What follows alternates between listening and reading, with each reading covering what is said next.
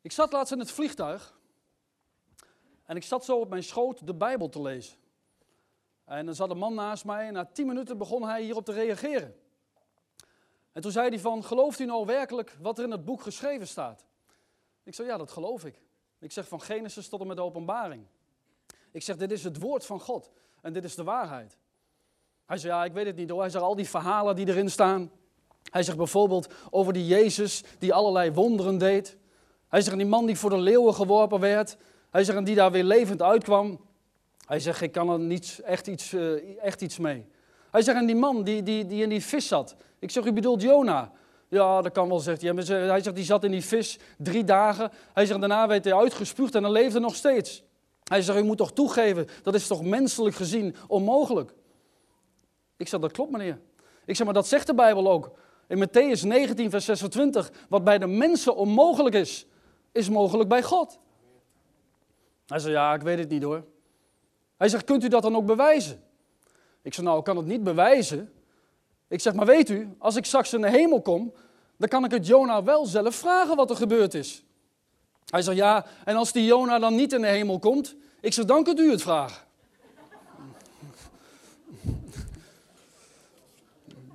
Lucas 1, het woord van God, de waarheid. En dan vanaf vers 26. Vanaf vers 26. En daar staat de aankondiging van Jezus' geboorte. In de zesde maand nu werd de engel Gabriel van God gezonden naar een stad in Galilea genaamd Nazareth. Tot een maagd die ondertrouwd was met een man genaamd Jozef. Uit het huis van David. En de naam der maagd was Maria. Nou, we lezen hier dat Maria ondertrouwd was met Jozef. En in de tijd van de Bijbel, als je ondertrouwd was, dat komt vandaag de dag op hetzelfde neer als getrouwd zijn. En we lezen ook dat ze nog maagd was.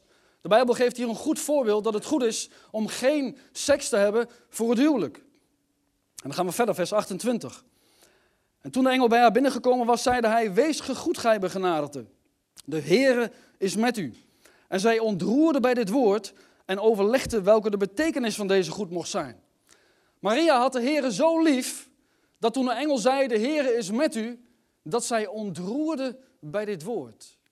Ze kreeg de tranen in de ogen. Zij had God lief. En dan vers 30. En de engel zeide tot haar, wees niet bevreesd Maria, want gij hebt genade gevonden bij God. En zie, gij zult zwanger worden en een zoon baren.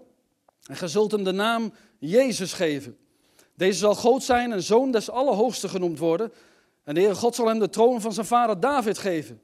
En er zal koning zijn over het huis van Jacob heersen tot een eeuwigheid. En zijn koningschap zal geen einde nemen. Wel, wat een belofte. Wat een profetie, geweldig om dit te ontvangen. En Maria zeide in vers 34 tot de engel, hoe zal dat dan geschieden, daar ik geen omgang heb met een man?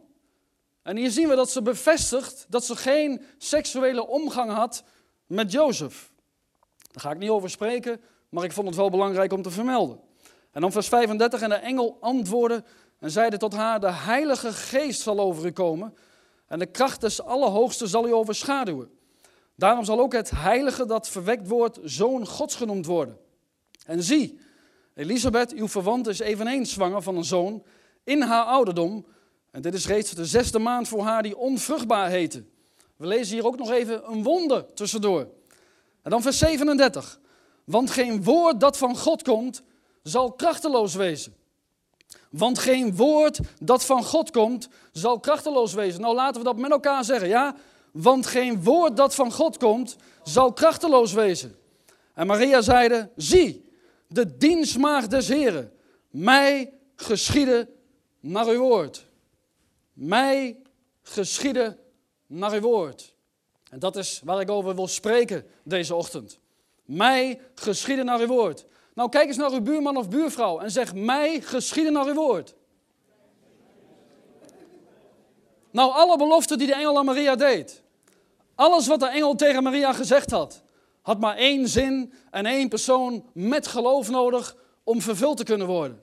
Mij geschieden naar uw woord. Dat is in geloof ontvangen. Dat is ontvangen voordat je het ontvangen hebt. Maria had een overeenkomst met God God sprak het woord, En Maria ontving het woord. Zij geloofde het niet alleen, maar zij ontving het.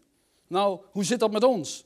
In Jesaja 55, vers 8, daar zegt God, want mijn gedachten zijn niet uw gedachten en uw wegen zijn niet mijn wegen. Nou, God zegt dit omdat onze gedachten niet zijn gedachten zijn. Hij zegt, jouw wegen zijn niet mijn wegen, omdat ik jouw gedachten niet heb. En jij doet de dingen niet zoals ik die doe, omdat jij niet denkt zoals ik denk. Als jij zou denken zoals ik denk, zegt God, dan zouden we de dingen samen doen, als in een overeenkomst. Nou, jaren geleden, dat weten we allemaal, had je in de wereld aan iemands woord voldoende. Tegenwoordig hebben we twee advocaten nodig en een notaris voor een overeenkomst. En niet te vergeten, een handtekening. Heel belangrijk. Je kunt nog zo'n mooi contract opstellen, maar zolang er geen handtekening gezet is, is het niets waard. Je kunt er niets mee. We hebben kennis van het contract, we kennen de inhoud, maar je kunt er niets mee. Nou, u moet zich voorstellen, u heeft drie dagen niet gegeten. U bent een heilig persoon, u heeft gevast. En u heeft drie dagen niet gegeten. En dan staat er een bord eten op tafel, wat uw man, vrouw, vriend of vriendin heeft klaargezet. U neemt een mes en vork, u gaat zitten en dan zegt u het volgende. Dan zegt u, ik geloof dat als ik dit bord eten leeg eet, dat ik dan geen honger meer heb. Nou, op dat moment spreekt u de absolute waarheid. En u gelooft voor 100% wat u zegt. Maar u heeft nog steeds honger. U heeft nog steeds honger.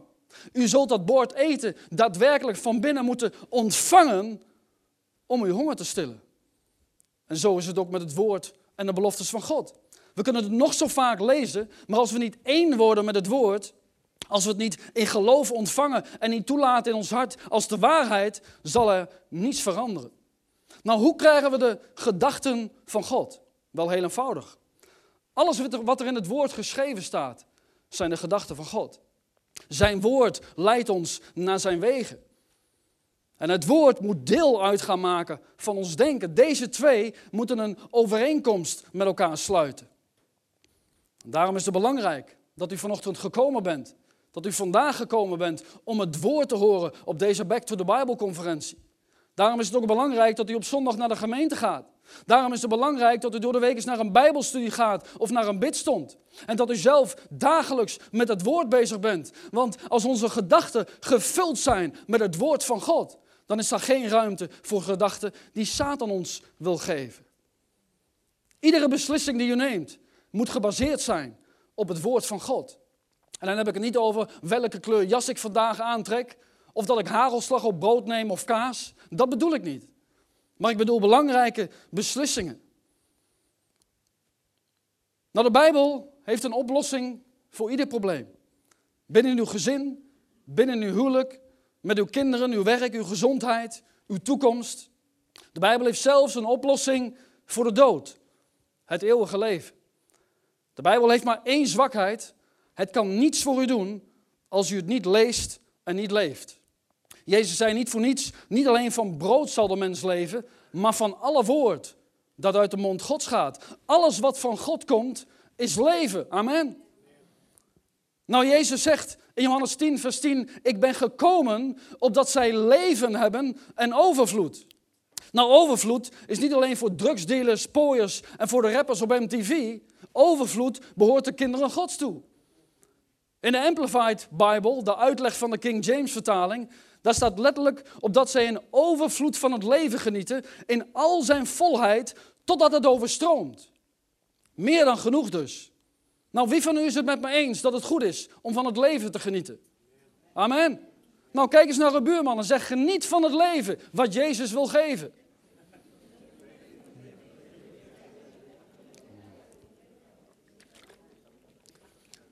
Geniet van het leven wat Jezus wil geven. Nou, wat wil Jezus geven? Wel, hij wil redding geven. Hij wil verlossing geven. Hij wil bevrijding, genezing geven. Gelukkig zijn, geen zorgen maken. Voorspoed, blijdschap, rust en vrede in ons hart. Maar vergis u niet. Hij wil ook geven dat wij omgaan met strijd en ziekte zonder gelijk in paniek te raken. Andere mensen zien het niet meer zitten, worden gestrest, depressief, wanhopig. Maar u blijft positief onder alle omstandigheden, omdat u weet dat God achter de schermen alles onder controle heeft. Ondanks dat u misschien ernstig ziek bent. Nou, dat is ook leven in overvloed. En Jezus zegt, dat is wat ik je wil geven. In goede en in slechte tijden. En ik weet, het is niet altijd makkelijk om de Bijbelse weg te bewandelen. Het kost ons wat. In de wereld bent u opgevoed door misschien ongelovige ouders, dat kan. U ging naar een wereldse school, u kreeg een wereldse baan en deed de dingen zoals u in de wereld geleerd werd. U wist niet beter. Maar op het moment dat u wederom geboren christen werd, vond er een verandering plaats. U bent van een wereldse manier van doen overgegaan naar Gods manier van doen. Nou, in de wereld heeft u er jaren over gedaan om te weten hoe het in de wereld werkt. Denk niet dat we binnen twee weken weten hoe de principes van God werken. Om, de, om God zijn manier van doen, het koninkrijk van God hier op aarde, te leren kennen, zult u ook hierin moeten investeren. U zult net als toen in de wereld moeten lezen en leren om erachter te komen hoe God werkt en wat de wil is voor ons leven. U zult zijn woord, zijn lessen moeten bestuderen, net als toen uw schoolboeken. En u heeft één groot voordeel. U heeft nu maar één boek. Geen rugzak met tien zware boeken erin. Nee, één boek, de Bijbel.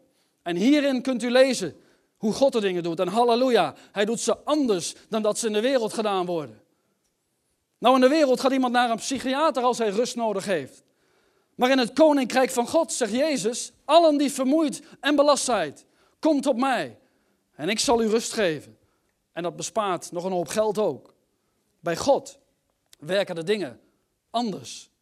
U zegt het is onmogelijk. Maar God zegt alles is mogelijk voor wie gelooft. Lucas 18, vers 27. U zegt ik kan het niet. Maar God zegt ik vermag alle dingen in hem die mij kracht geeft. Filippenzen 4, vers 13. U zegt ik heb angst. God zegt ik heb je geen geest van afhartigheid gegeven, maar van kracht en bezonnenheid. 2 Timotheus 1, vers 7. U zegt ik ben er niet toe in staat. Dat krijg ik nooit voor elkaar.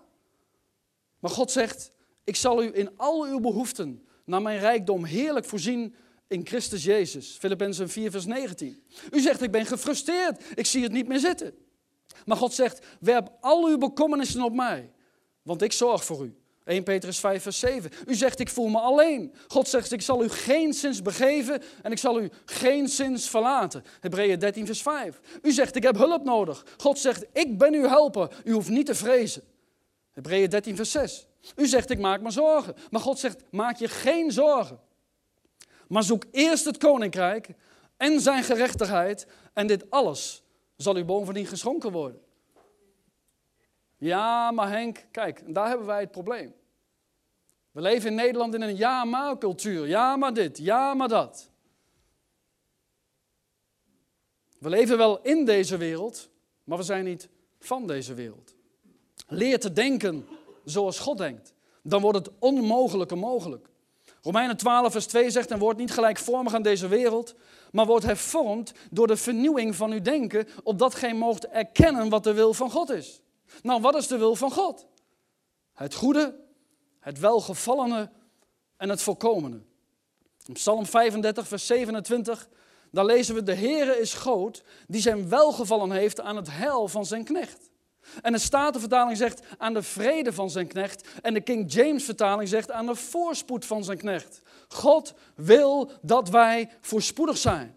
Ontvangen in geloof. En stap van het natuurlijke in het bovennatuurlijke. Stap binnen in het koninkrijk van God. Amen.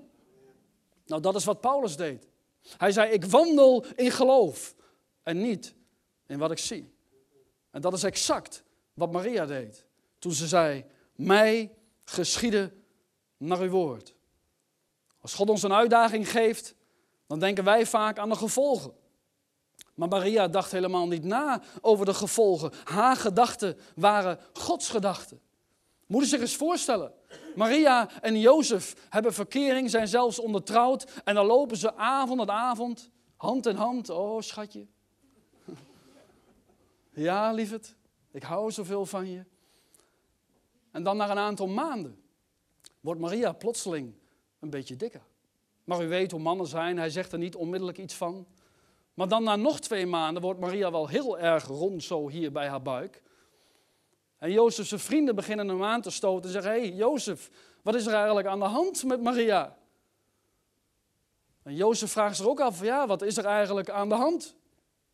En op een avond, dan lopen ze weer. Oh, Jozef. Ha, Maria. En dan zegt Maria, Jozef, ik moet je wat vertellen. Ja, Maria, zegt Jozef. Ze zegt, ja, ik, uh, ik, ik, weet niet zo goed hoe ik het zeggen moet. Maar uh, ik, uh, ja, ik, ik, ik, ik, ik, verwacht een baby. Een baby, zegt Jozef. Ja, maar Jozef, het is niet wat je denkt hoor. Nee, ik ben zwanger van de Heilige Geest en ik ga de zoon van God baren. Jozef geloofde het niet en wilde van haar scheiden. Heeft u dat ook, heeft u ook wel eens gehad? Dat God iets, iets, iets in uw leven deed wat niemand geloofde. Er zitten hier waarschijnlijk mensen in de zaal die nog nooit hun persoonlijke getuigenis hebben gedeeld, omdat niemand het zou geloven. Menselijk gezien was het onmogelijk. Maar Maria ontving de belofte dat ze zwanger zou worden. En doordat haar denkwijze op één lijn lag met het woord van God, had ze Gods wegen bereikt en baarde ze Jezus. Ze maakte zich geen zorgen over de gevolgen, maar ze vertrouwde God. En als wij God vertrouwen, dan gaat God voorzien. Dan gaat God voorzien. En hij voorzag ook Jozef in een droom waar een engel kwam en uitlegde wat er gebeurd was.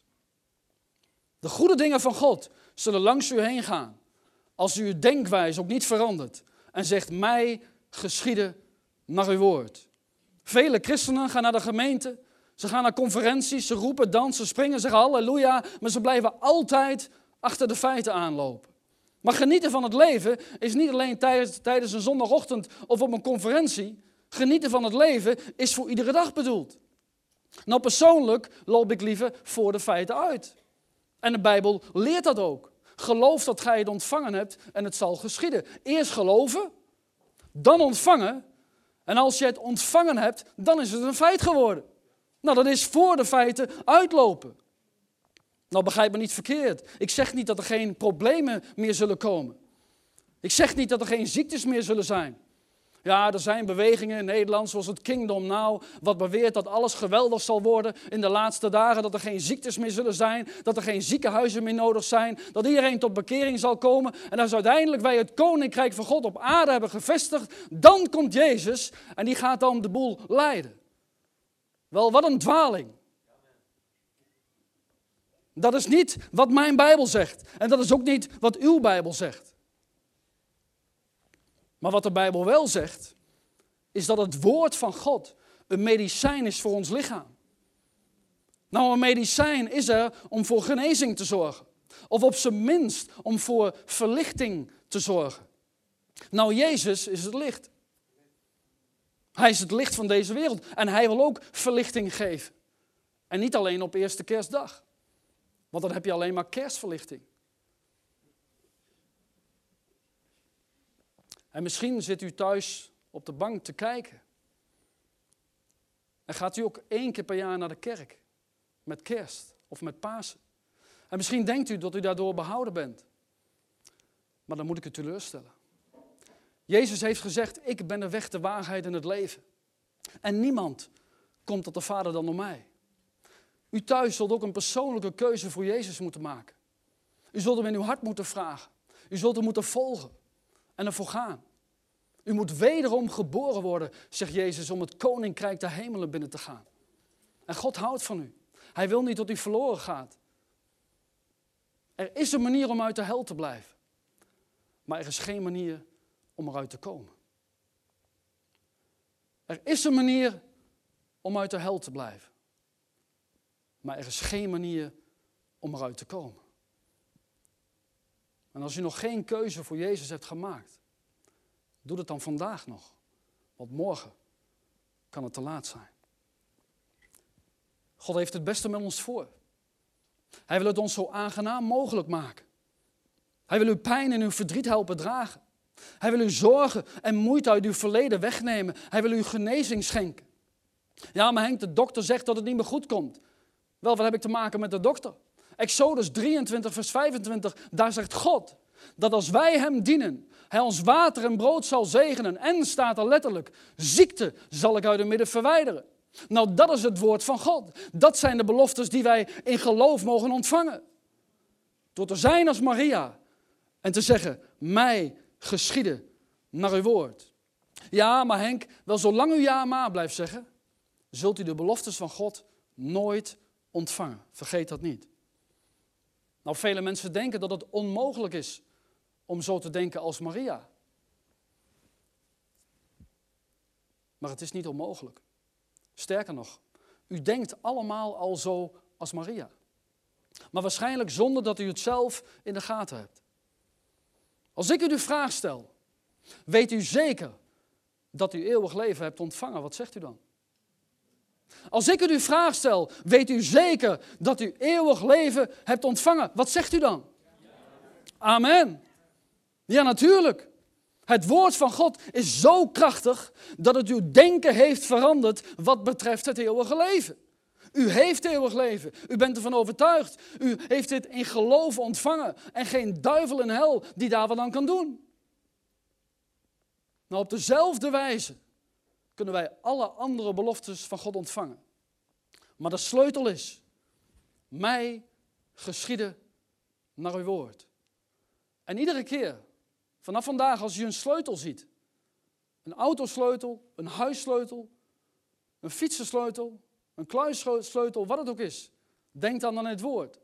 Mij geschieden naar uw woord. Waarom zou u de ene belofte wel kunnen ontvangen en de andere niet? Dat is de grootste onzin die er bestaat. De duivel is een leugenaar. Nou zeg eens, de duivel is een leugenaar. In Marcus 11, vers 24 lezen we de volgende belofte. Daar staat, daarom zeg ik u, al wat gij bidt en begeert, geloof dat gij het ontvangen hebt en het zal geschieden. Het geloof wat hier bedoeld wordt, is een geloof op een hoger niveau. Het is het geloof in het zeker weten. Heeft u dat wel eens gehad?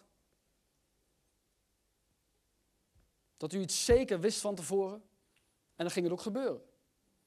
Oh, u had dat in geloof ontvangen. Zo werken deze dingen. Acht jaar geleden gaf de Heer mij een droom. En hij liet me zien dat ik op een grote conferentie sprak. Of, of in een grote gemeente, in ieder geval een grote zaal. Waar meer dan duizend mensen zaten met een podium. Naast mij stonden twee evangelisten. En ik sprak in tongen, dus ik kon niet verstaan wat ik zei. Nou, op een volgend moment zat ik op een tribune en voor mij stond een televisietoestel.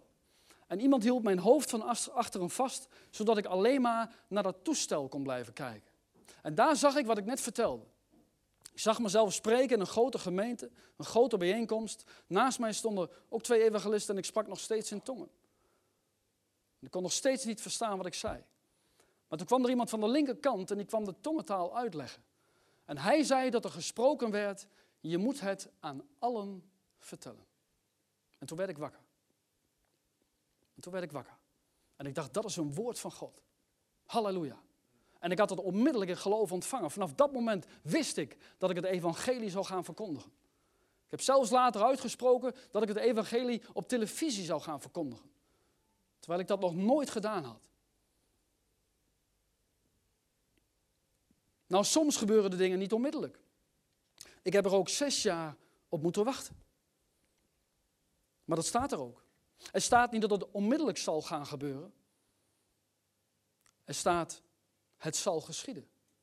Maar niet op onze tijd, maar op Gods tijd. En onze taak is geloven, vertrouwen en geduld hebben. En de duivel heeft hier een hekel aan. Als wij twijfelen, kan God niets doen. Maar als wij geloven en vertrouwen, dan kan de duivel niks doen. En dan zegt Jezus, het zal geschieden. Nou, wie kent allemaal Reinhard Bonk? Mag ik die handen zien? Nou, dat zijn aardig wat mensen. Reinhard Bonk is een grote evangelist. Ik heb een keer een boekje van hem gelezen, dat is al een oud boekje, maar dat kan ik u van harte aanbevelen. Evangelisatie door vuur. Door vuur en passie. En hij vertelde in dat boekje dat hij een tentcampagne had waar zo'n 10.000 mensen in konden. Alleen, er was een probleem, de grond was zacht. En als het zou gaan regenen of waaien, dan zouden de ankers en de masten los kunnen raken. En dan zou de tent kunnen instorten met alle gevolgen van dien. En er bleek een gigantische stormopkomst. En Reinhard Bonker moest beslissen of deze campagne door moest gaan of niet. En hij dacht er even over na en hij zei: Ga door. In de naam van Jezus zal het niet gaan regenen of stormen.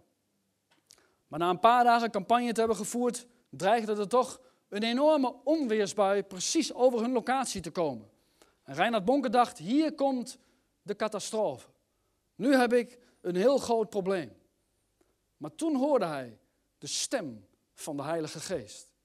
Hij kreeg een woord van God. En het woord was: Ga en bestraf de duivel. En hij ging naar buiten. Hij wees met zijn vinger naar de storm en sprak: Duivel, ik wil met jou praten in de naam van Jezus. Als jij mijn tent vernietigt, vertrouw ik God voor een tent die driemaal zo groot is. Dat is een man van God. En had het nog niet uitgesproken, of gelijk gebeurde er een wonder. Hij schreef dat de wolken braken, dat de zon voorbij kwam. En de dreiging was voorbij en het slechte weer heeft de tent nooit bereikt. Nou, dat is vernieuwend denken. Dat is mij geschieden naar uw woord. Als u op één lijn ligt met het woord van God, dan zullen uw omstandigheden veranderen van, van negatief naar positief.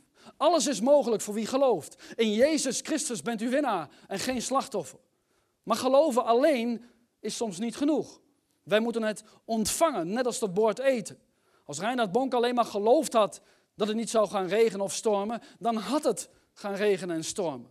Maar nee, hij ontving dit woord, hij ging naar buiten, bestrafte de duivel en het probleem werd ter plekke opgelost. Het geloof en vertrouwen van Reinhard Bonke had de duivel afgeschrikt, verjaagd. Maar toch verhief hij, verhief hij nog eenmaal zijn stem naar de duivel, schrijft hij. Hij zei, duivel, ik onderhandel met jou niet. Hij zegt, het terugtrekken van de wind en de regen betekent niet dat ik een afspraak met je gemaakt heb, dat er geen grotere tent komt. Hij zegt, die grotere tent, die komt er even goed. Wel, halleluja, prijs de Heer. Wat een voorbeeld.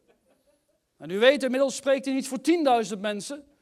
Inmiddels spreekt hij niet voor 50.000 mensen, ook niet voor 100.000 mensen, ook niet voor 500.000 mensen. Maar Reinhard Bonker spreekt vandaag voor miljoenen mensen. Halleluja. Er zitten hier lieve broeders en zusters in de zaal. Die gevangen zitten in een bepaalde situatie. U zit vast in negatieve omstandigheden. Maar ik ben deze ochtend gekomen om tegen u te zeggen dat er hoop is. Halleluja, er is hoop. Lazarus zat ook vast. Hij had een maximaal probleem. Hij was dood. Hij was dood. Dan heb je een maximaal probleem. Hij zat gevangen in het graf. Totdat Jezus kwam. Totdat Jezus kwam. En zei: Lazarus, kom naar buiten. En Lazarus stond op uit de dood en kwam naar buiten. Nou, dit bewijst hoe groot het probleem ook is. Voor God is niets onmogelijk. En weet u wat zo bijzonder is aan het verhaal van Lazarus? Mensen zeggen vaak, en sommige predikers die prediken dat misschien ook, dat Jezus aan de late kant was, maar Jezus was helemaal niet te laat. Jezus was exact op tijd. Want in de tijd van de Bijbel geloofde men dat pas op de derde dag de geest het lichaam verliet. En Jezus liet zijn grootheid zien tot eer van God de Vader door Lazarus op de vierde dag op te wekken. Exact op tijd. Halleluja, geweldig. U zit misschien gevangen in uw denken. U zit misschien gevangen in uw baan, in uw huwelijk. U heeft dagelijks verdriet, niemand weet er iets vanaf. U ligt misschien te huilen in uw bed. En u vraagt zich af, hoe kom ik hier ooit nog uit? Hoe kan ik mijn gedachten onder controle houden? Hoe ontvang ik genezing? Hoe kan ik beter functioneren? Hoe kom ik uit de financiële problemen? Hoe kom ik af van mijn pornoverslaving? Maar Jezus zegt ook vandaag tegen u en tegen de mensen thuis: Kom naar buiten. Kom uit die gevangenis. En ontvang wat ik jou wil geven. En ik heb een extra sleutel voor u. Ik heb twee sleutels meegenomen. De eerste mij geschieden naar uw woord. En de tweede, een hele belangrijke, eenheid. Eenheid. De tweede sleutel is eenheid. Matthäus 18, vers 19 Daar zegt Jezus, dit moet u vooral weten. Hij zegt niet, dit moet u weten. Hij zegt, nee, dit moet u vooral weten. Heel erg belangrijk. Als twee van u het met elkaar eens zijn over iets, vraag het mijn vader en hij zal het voor u doen. Wel, wat een belofte. Wat een belofte. Stelt u zich eens voor dat we met z'n allen dit woord in geloof zouden ontvangen. Wel, u zou alleen nog maar op zoek gaan naar andere christenen die het met u eens zijn. Om te ontvangen wat u graag wilt ontvangen. Help me. Ik word aangevallen op mijn werk. Help me. Ik word aangevallen in mijn huwelijk. Help me. Ik word aangevallen in mijn financiën. Help me. Ik word aangevallen in mijn lichaam. Als wij het met elkaar eens zijn, stel je eens voor wat er dan zou gebeuren met depressies. Als wij het met elkaar eens zijn, stel je eens voor wat er zou gebeuren met een huwelijk wat op springen staat. Als wij het met elkaar eens zijn, stel je eens voor wat er zou gebeuren met ziektes. Dit moet u vooral weten, zegt Jezus. Als twee van u het met elkaar eens zijn over iets, vraag het mijn vader en hij zal het voor u doen. In Handelingen 2 lezen we over de eerste gemeente en over de kracht van God die op hen viel. Een gemeente waar grote tekenen en wonderen gebeurden. Wel, waar gebeurt dat vandaag nog? Af en toe zien we het, maar het zou in iedere gemeente moeten gebeuren. Jezus zelf liet de blinden zien. Hij liet de lammen lopen. Hij liet de doven horen. Hij bestrafte de wind. Gaf vijfduizend mannen te eten met alleen maar vijf broden en twee visjes. Hij veranderde water, water in wijn. Demonen sidderden bij het horen van zijn naam. En hij liet mensen opstaan uit de dood. En hij zei, jullie zullen grotere dingen doen dan deze. Dat is ook voor de gemeente van vandaag. Maar daar is iets, daar is iets voor nodig. Geloof, toewijding, eenheid, belangrijk. De Bijbel beschrijft in Handelingen 2 dat ze allen tezamen waren. En dan heeft de Nederlandse vertaling iets vergeten te vertalen. Maar de Engelse King James vertaling zegt dan And they were all in one accord. They were all in one accord. Ze waren eensgezind. Ze waren verbonden met elkaar. Ze waren in harmonie. God wachtte totdat ze allemaal bij elkaar waren en het allemaal met elkaar eens waren. En toen pas viel de kracht van God op hen. En werden ze vervuld met de Heilige Geest en gingen er grote dingen gebeuren. 1 Corinthians 4, vers 20 zegt ook: Want waar God werkt, is het niet een kwestie van woorden, maar van kracht. Het is Gods wil dat de gemeente van Jezus Christus krachtig is. Bovennatuurlijke kracht. Kracht om te genezen. Kracht om te bevrijden. Kracht om te overwinnen. Kracht om de bolwerken van Satan neer te halen in de naam van Jezus. In Matthäus 28, vers 18 zegt Jezus zelf: Mij is gegeven alle macht in de hemel en op de aarde. En deze macht heeft hij ook aan ons gegeven, aan zijn kinderen. Als wij bij elkaar zijn, zoals vandaag hier op de Back to the Bible conferentie in Zwolle, en we zijn het met elkaar eens, dan kunnen er krachtige dingen gebeuren. Maar de duivel wil niet dat wij het met elkaar eens zijn, want hij weet wat eenheid doet. Van Genesis tot openbaring komen we nergens in de Bijbel tegen dat de ene demon het oneens is met de andere demon. En ze werken samen als een leger, ze marcheren samen. Ze trekken er samen op uit. Er is eenheid. Ze staan rij aan rij en ze nemen hele gebieden in bezit. Ik heb er een hele spreekbeurt over gemaakt. Hij die in ons is, is sterker dan die in de wereld is. Over boze geesten en demonen is aan de tafel verkrijgbaar. Jezus zei zelf, ieder koninkrijk dat tegen zichzelf verdeeld is, kan geen stand houden. Dat geldt ook voor ons vandaag. Eenheid is een machtig wapen tegen de vijand. God heeft ons vele dingen beloofd. God wil het niet geven, Hij heeft het ons al gegeven. Maar het is aan ons om het te ontvangen. Door te zijn als Maria en te zeggen, mij geschieden naar uw woord.